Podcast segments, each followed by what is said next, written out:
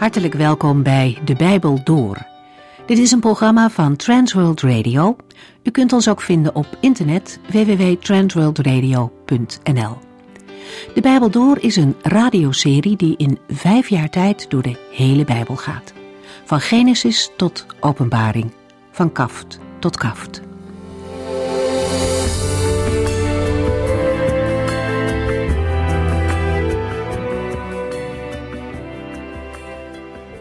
Mocht u meer informatie willen hebben over het werk van Transworld Radio of over deze serie, kijkt u dan op onze website transworldradio.nl of belt u overdag met 0342 478432. Vandaag kunt u luisteren naar een gedeelte uit de Hebreeënbrief. We gaan in een rustig tempo door de eerste verse heen, omdat ze al heel veel over de Heer Jezus Christus te zeggen hebben. Het is niet met zekerheid te zeggen wie de Hebreeënbrief geschreven heeft. Het is wel duidelijk aan wie deze brief is gericht. Hij is allereerst bedoeld voor de Joden die christen waren geworden. Zij neigden ertoe weer op de Joodse manier te gaan leven en zich aan die oude wetten te houden. Deze brief maakt duidelijk dat Christus in alle opzichten de vervulling was van de eredienst en van de gebruiken die bij het oude verbond hoorden. Hij heeft iets volkomen nieuws gebracht. De schrijver noemt dat de werkelijkheid. Alle aspecten van het oude verbond waren eigenlijk een schaduw van deze werkelijkheid. De brief laat zien hoe alles al vooruitwees naar Christus en dat Hij in alles groter en beter is. De brief aan de Hebreeën kunnen we in drie stukken verdelen. De eerste hoofdstukken gaan over de persoon van Christus, die groter is dan het vroegere. Halverwege hoofdstuk 4 tot en met 10 lezen we over het groter zijn van het werk van Christus. En tot slot begint halverwege hoofdstuk 10 een gedeelte over het christelijk geloofsleven. Hoofdstuk 1 begint niet met een groet, zoals de meeste brieven in het Nieuwe Testament. De schrijver begint meteen met zijn betoog. Hij laat zien dat God vroeger, vaak en op verschillende manieren tot het volk Israël gesproken heeft door de profeten. Maar uiteindelijk kwam God op een totaal nieuwe manier tot zijn volk. De Zoon van God kwam als mens onder de mensen wonen. Hij sprak niet alleen namens God, zoals de vroegere profeten, hij was God zelf. Een mens kan geen duidelijker indruk van God krijgen dan door naar Jezus Christus te kijken. Hij is God die volkomen mens geworden is. En door Hem kunnen we God de Vader kennen. We lezen verder in Hebreeën 1 vanaf vers 2.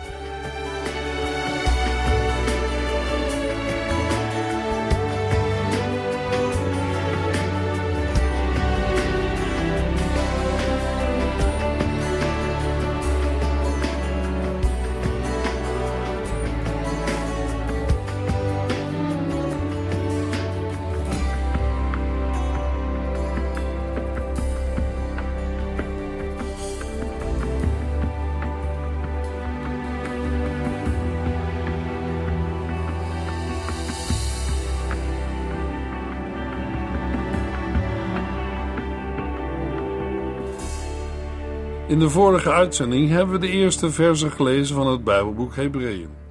We lazen: In het verleden heeft God op vele manieren door de profeten tot onze voorouders gesproken. Maar nu, in onze tijd, heeft Hij tot ons gesproken door Zijn Zoon, aan wie Hij alles heeft gegeven en door wie Hij de wereld heeft gemaakt. Hebreeën beschrijft gedetailleerd hoe de Heer Jezus Christus de beloften en profetieën van het Oude Testament vervult. De Israëlieten geloofden in het Oude Testament, maar de meesten van hen verwierpen Jezus als de lang verwachte Messias. De eerste lezers van Hebreeën waren Joodse gelovigen. Ze waren heel goed op de hoogte van de inhoud van het Oude Testament en hadden hun geloof in Christus beleden. Of het nu kwam door twijfel, verdrukking of een verkeerde leer, hoe dan ook, zij liepen gevaar hun geloof in Christus te verliezen en terug te vallen in de oud-testamentische godsdienst. Het Bijbelboek begint met te zeggen dat de Heer in de tijd van het Oude Testament zijn openbaring en boodschappen op verschillende manieren bij hun Joodse voorouders heeft gebracht. Tot Jezaja sprak de Heer in visioenen. Tot Jacob in een droom. En tegen Abraham en Mozes sprak de Heere persoonlijk. De Joden in de tijd van de Heer Jezus, die bekend waren met de geschiedenissen van de aartsvaders en de profeten, konden best geloven dat de Heere nog steeds zijn wil bekend maakte. Maar het was onbegrijpelijk voor hen te geloven dat God zichzelf had bekendgemaakt door te spreken door zijn Zoon, Jezus Christus. De Heere God heeft vele eeuwen lang zich op vele manieren bekendgemaakt. En de Heer Jezus is daarvan de laatste vervulling en het hoogtepunt. Daarbij spreekt de Heer Jezus niet alleen namens God, Hij is zelf God. De God die door het hele Oude Testament heen gesproken heeft. Hij is eeuwig. Door Hem heeft de Vader de wereld geschapen. In Johannes 1, vers 3 lezen we: Door het woord is alles ontstaan. En zonder het woord is niets ontstaan van alles wat bestaat. In vers 10 tot en met 18 lezen we: Het woord kwam in de wereld en heeft de wereld gemaakt, maar de wereld wilde niets van het woord weten. Hij kwam in zijn eigen land, maar zijn eigen volk heeft hem niet aanvaard. Maar alle die hem wel aanvaard hebben en geloven in zijn naam, heeft hij het recht gegeven kinderen van God te worden. Zij worden opnieuw geboren, niet op natuurlijke wijze of vanuit menselijk verlangen, of omdat een mens dat wil, maar zij zijn uit God geboren. Het woord werd een mens en leefde een tijd lang onder ons. Hij was vol genade en waarheid, en we hebben gezien hoe groot hij is, de enige zoon van de hemelse Vader. Johannes was zijn getuige en zei over hem: Dit is degene van wie ik zei dat er na mij iemand zou komen die belangrijker is dan ik, omdat hij er eerder was dan ik. Uit de overvloed die hij heeft, hebben wij alle genade op genade ontvangen.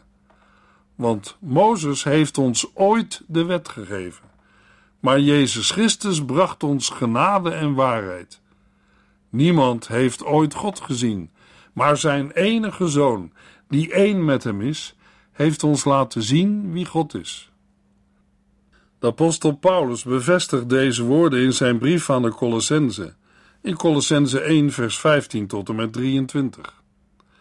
In de persoon van Christus is de onzichtbare God zichtbaar geworden. Hij is als eerst geboren en verheven boven de hele schepping.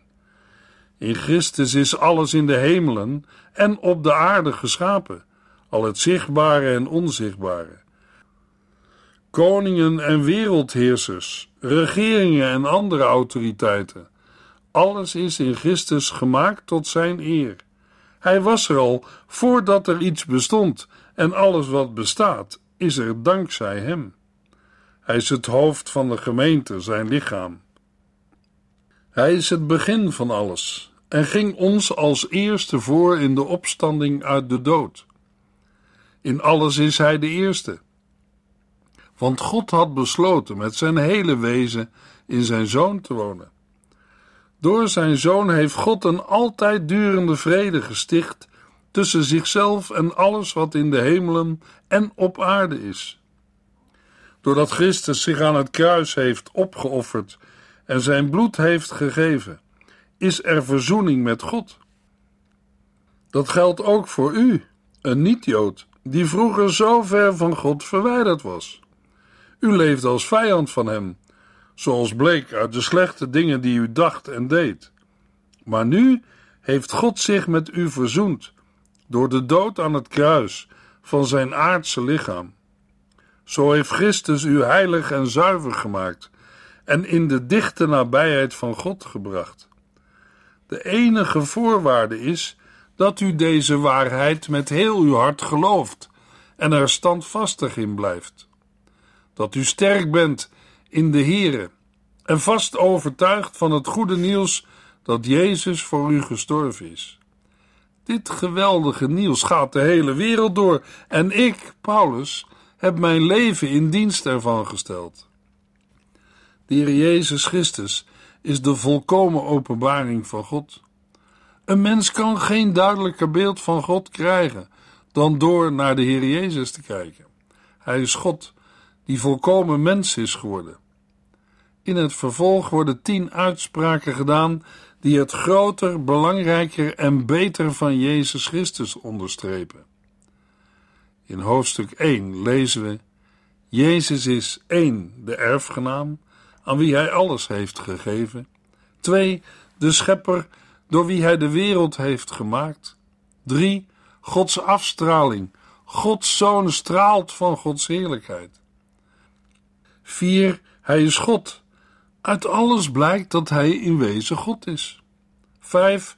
Hij beheerst alles met zijn machtig woord. 6. De redder. Hij heeft al onze zonden uitgewist. 7. De koning op zijn troon, aan de rechterhand van God. 8. De door God verwekte. Jij bent mijn zoon. 9. De door God gezalfde, met meer blijdschap overgoten. 10. Heere voor eeuwig, aan uw bestaan komt geen einde. In de vorige uitzending hebben we de eerste twee besproken. Nu vervolgen we met de nummers 3 tot en met 7. Voordat ik met nummer 3 begin, noem ik de eerste twee nog een keer. Als eerste lazen we in vers 2 over de Heer Jezus. Hij is de erfgenaam van God, de Vader, aan wie hij alles heeft gegeven. Jezus Christus is niet alleen de Zoon van God, maar ook de erfgenaam van alle dingen. Als tweede lazen we in vers 2 dat de Zoon, net als op andere plaatsen in de Bijbel, voorgesteld wordt als de Schepper, door wie God de wereld heeft gemaakt. We hebben daarover ook in Johannes 1 en Colossense 1 gelezen. Zo opent de schrijver van Hebreeën in vers 2 met het noemen van twee hoofdmomenten uit het leven van Gods Zoon. De Heere heeft door Jezus Christus het universum geschapen en hem door zijn verhoging tot koning over alle dingen gesteld. Hebreeën 1 vers 3 Gods Zoon straalt van Gods heerlijkheid en uit alles wat hij is en doet blijkt dat hij in wezen God is. Hij beheerst alles met zijn machtig woord. Door voor ons te sterven heeft hij ons gereinigd en al onze zonden uitgewist. Daarna is hij gaan zitten aan de rechterhand van de Almachtige God in de hemel. Als derde lezen we over de Heer Jezus dat hij Gods afstraling is. Jezus, Gods Zoon, straalt van Gods heerlijkheid. De bijzondere verhouding tussen de Zoon, God de Vader en de wereld wordt in vers 3 verder uitgewerkt. Het eerste versdeel bespreekt de verhouding tussen de Zoon en God de Vader. Jezus Christus is de afstraling van Gods heerlijkheid en de afdruk van zijn wezen. Met het woord afstraling, afschijnsel of reflectie wordt zowel de zelfstandigheid, de verwantschap en de gelijksoortigheid van de heerlijkheid van de Zoon met die van de Vader uitgedrukt.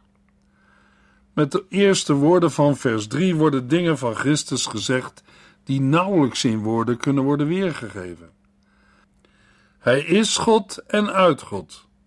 Hij straalt van Gods heerlijkheid, zoals het licht uit de zon is, en ook de zon zelf. Maar ook als de glans van zijn godheid zich verbergt in zijn vernedering, kan de Heer Jezus toch zeggen: Wie mij gezien heeft, heeft immers de Vader gezien. Gods Zoon straalt van Gods heerlijkheid, en uit alles wat hij is en doet blijkt dat hij in wezen God is. Voor deze laatste woorden, uit alles wat hij is en doet blijkt dat hij in wezen God is, lezen we in andere vertalingen: Jezus Christus is de afdruk van het wezen van God, of het uitgedrukte beeld van zijn zelfstandigheid. Het Griekse woord voor afdruk betekent 1 graveur, 2 graveergereedschap en 3 stempelafdruk, of meer exact afbeelding. Het beste kunnen we denken aan een afdruk, zoals bijvoorbeeld op een muntstuk. De zoon is een afdruk van het wezen van de vader. Dezelfde gedachte vinden we ook in 2 Korintiërs 4, vers 4, waarin het gaat over Satan die verblindt en God die verlicht. Paulus schrijft: De God van deze wereld, de duivel, heeft hen verblind, zodat ze het goede nieuws niet geloven. Zij zien het stralende licht van Christus niet, die het beeld van God is. Ook aan de gelovigen in Filippi schrijft de apostel in Filippenzen 2, vers 5 tot en met 7: Blijf erop toezien dat uw innerlijke houding moet zijn zoals die van Christus Jezus, die, hoewel hij de gestalte van God had, zich niet heeft vastgeklampt aan zijn goddelijke rechten. Integendeel, hij legde zijn grote macht en heerlijkheid af, nam de gestalte aan van een dienaar en werd een mens. Over de godheid van Christus, beter gezegd, over de twee naturen van Christus, God en mens, is in de christelijke kerk veel te doen geweest. Het is niet mijn bedoeling om een kerkhistorische verhandeling over de twee naturen van Christus te geven. Maar in het kader van het feit dat Christus de afdruk is van het wezen van God, wil ik een paar dingen zeggen over het wezen van God. De Bijbel maakt onderscheid tussen het wezen van God en zijn goddelijke eigenschappen. In de Bijbel lezen we dat de Heere geest, liefde en licht is. Het feit dat God geest is, lezen we in Johannes 4 en in 2 Korintiërs 3. Hij is niet onderworpen aan ruimte en tijd. Omdat God geest is, is het onmogelijk een afbeelding van de Heere te maken. Vandaar het verbod in Deuteronomium 5 en Exodus 20. Aan de andere kant laat de Bijbel zien dat de Heere toch waarneembaar is. De Bijbel leert twee werkelijkheden: een zichtbare en een onzichtbare. Het ene is niet minder reëel dan het andere. De zichtbare werkelijkheid is de wereld waarin wij worden geboren, waarin we leven en werken. Het onzichtbare is die werkelijkheid waarin alles, ook de mens, als een gedachte van God is ontstaan. Onder andere, mens is van die werkelijkheid afhankelijk en zal eens tot die onzichtbare werkelijkheid worden teruggeroepen. Er zijn in de Bijbel een aantal gebeurtenissen waarin de ogen van mensen werden geopend en ze iets van de onzichtbare wereld mochten waarnemen. Maar dat betekent nog niet dat daarmee iets van het wezen van God voor een mens kan worden waargenomen. De woorden van de Heer Jezus blijven gelden. Wie mij gezien heeft, heeft de Vader gezien. Uit Gods wezen vloeien zijn goddelijke eigenschappen voort. Ik noem er negen. Omdat God geest is, is Hij eeuwig, almachtig, alomtegenwoordig, alwetend en algenoegzaam. Dit laatste wil zeggen dat Hij voor het volbrengen van Zijn wil niemand nodig heeft. Omdat God liefde is, is Hij genadig en barmhartig. En omdat God licht is, is Hij heilig en rechtvaardig. Bij deze dingen zullen we altijd in gedachten moeten houden wat Johannes schrijft in Johannes 1, vers 18. Niemand heeft ooit God gezien, maar zijn enige zoon, die één met hem is, heeft ons laten zien wie God is.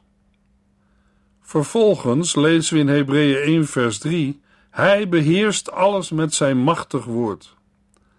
Daarbij gaat het over de verhouding tussen de Zoon van God en de wereld met al het geschapene, ook de mensheid.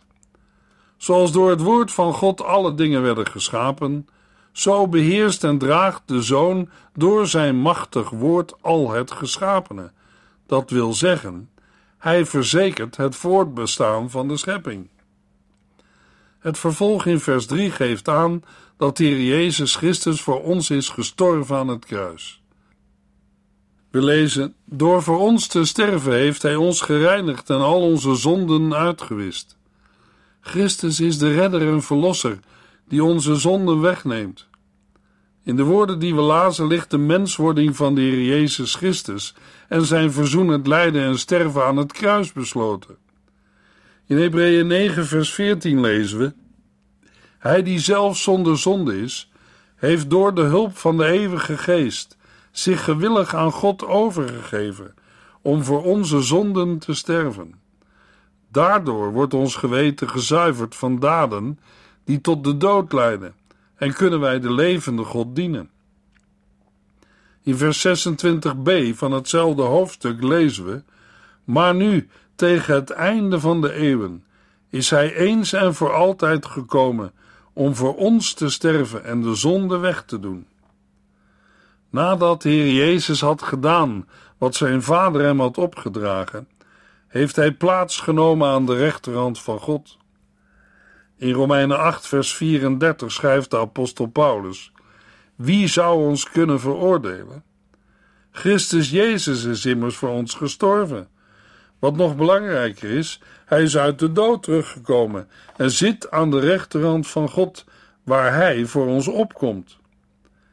In een andere vertaling lezen we dat de Heer Jezus zit aan de rechterhand van de majesteit in de hoge. Daarbij is majesteit een omschrijving voor de Heere. En in de hoge van de hemel, en daarmee een typering van de hoogste eer. Het zitten aan de rechterhand van God houdt in dat de Zoon deelt in de wereldheerschappij van de Heere. Met deze dingen, het offeren van zichzelf en het bestijgen van de troon, wordt ons al in de eerste verse van de brief aan de Hebreeën het samengaan van het priesterschap en het koningschap van Jezus Christus getekend. De Heer Jezus ontving de heerlijkheid en Gods majesteit toen hij terugging naar de Vader op de troon. Daarmee komt er iets in de hemel dat daarvoor er niet was. Nu zit aan de rechterhand van de Vader Jezus Christus met doorboorde handen, de littekens van spijkers in zijn voeten en een speerwond in zijn zij. Zelfs in zijn verheerlijking zijn de tekenen te zien. Als we hem zien, zullen we hem herkennen aan de tekenen van zijn lijden. In Colossense 2, vers 9 en 10 lezen we: Want in hem woont het hele wezen van God in een lichamelijke gestalte. In Christus bent u dus volmaakt, want hij is de hoogste heerser en autoriteit over elke andere macht. Wij zijn door hem in liefde aangenomen. Wat een wonder van genade! En hij is de koning op de troon, aan de rechterhand van de Almachtige God in de hemel. Mogelijk dat iemand vraagt: wat doet de Heer Jezus in de hemel? We lezen het in 1 Johannes 2, vers 1.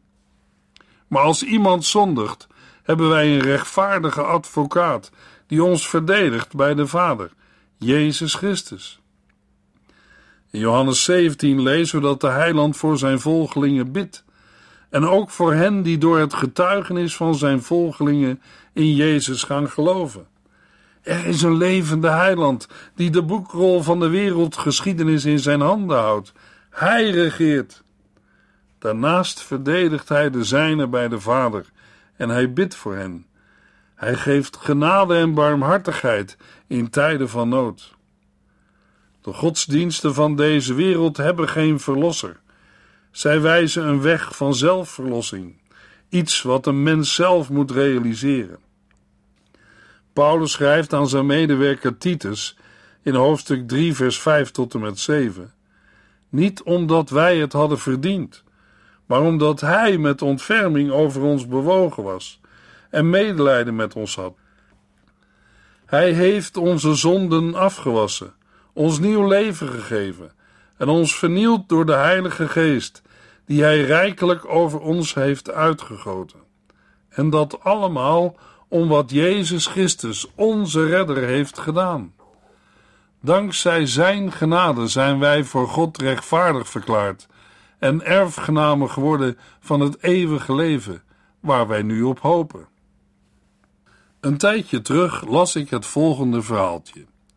Een man sterft en gaat naar de hemel. Uiteraard staat de apostel Petrus bij de hemelpoort op hem te wachten. Maar ja, hoe komt de mens de hemel binnen? De man dacht: Dat komt wel goed met mij, want ik heb mij altijd goed gedragen. Maar dan hoort hij dat hij honderd punten nodig heeft om de hemel binnen te mogen.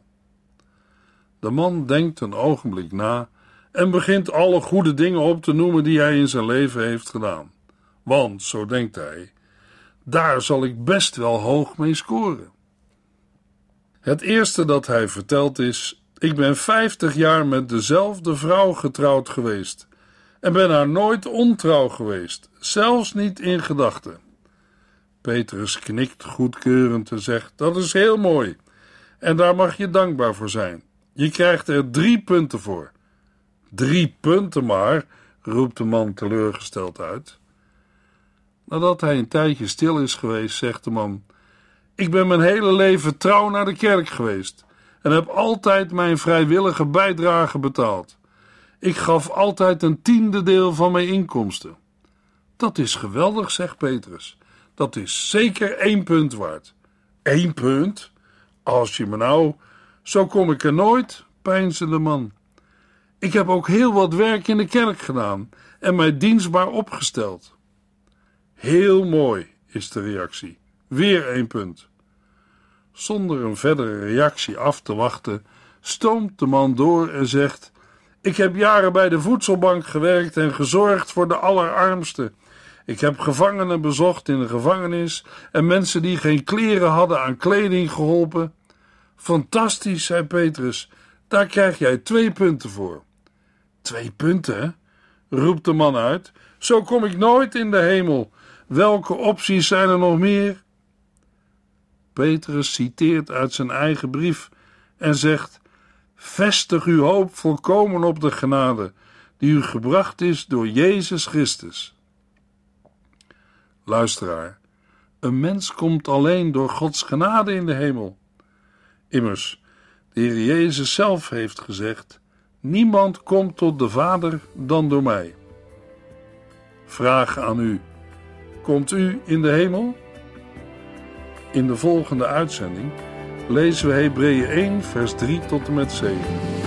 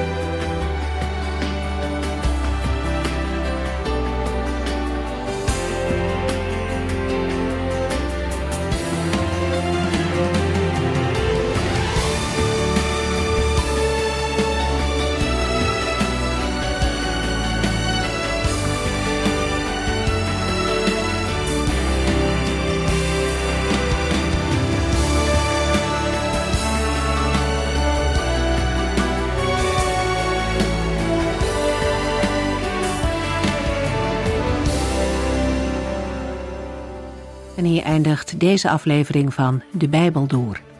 Een serie programma's van Transworld Radio. Wilt u ons iets vragen of meer weten? Dan kunt u altijd contact met ons opnemen. Bellen kan overdag met 0342 478432. Per post Transworld Radio. Postbus 371. Postcode 3770. Anton Johannes in Barneveld. En e-mailen kan ook. De Bijbel door at transworldradio.nl En natuurlijk ook via onze website transworldradio.nl Dit programma werd gepresenteerd door Cor Weda en Ike André. En namens iedereen die er nog meer aan meegewerkt heeft, graag tot de volgende keer.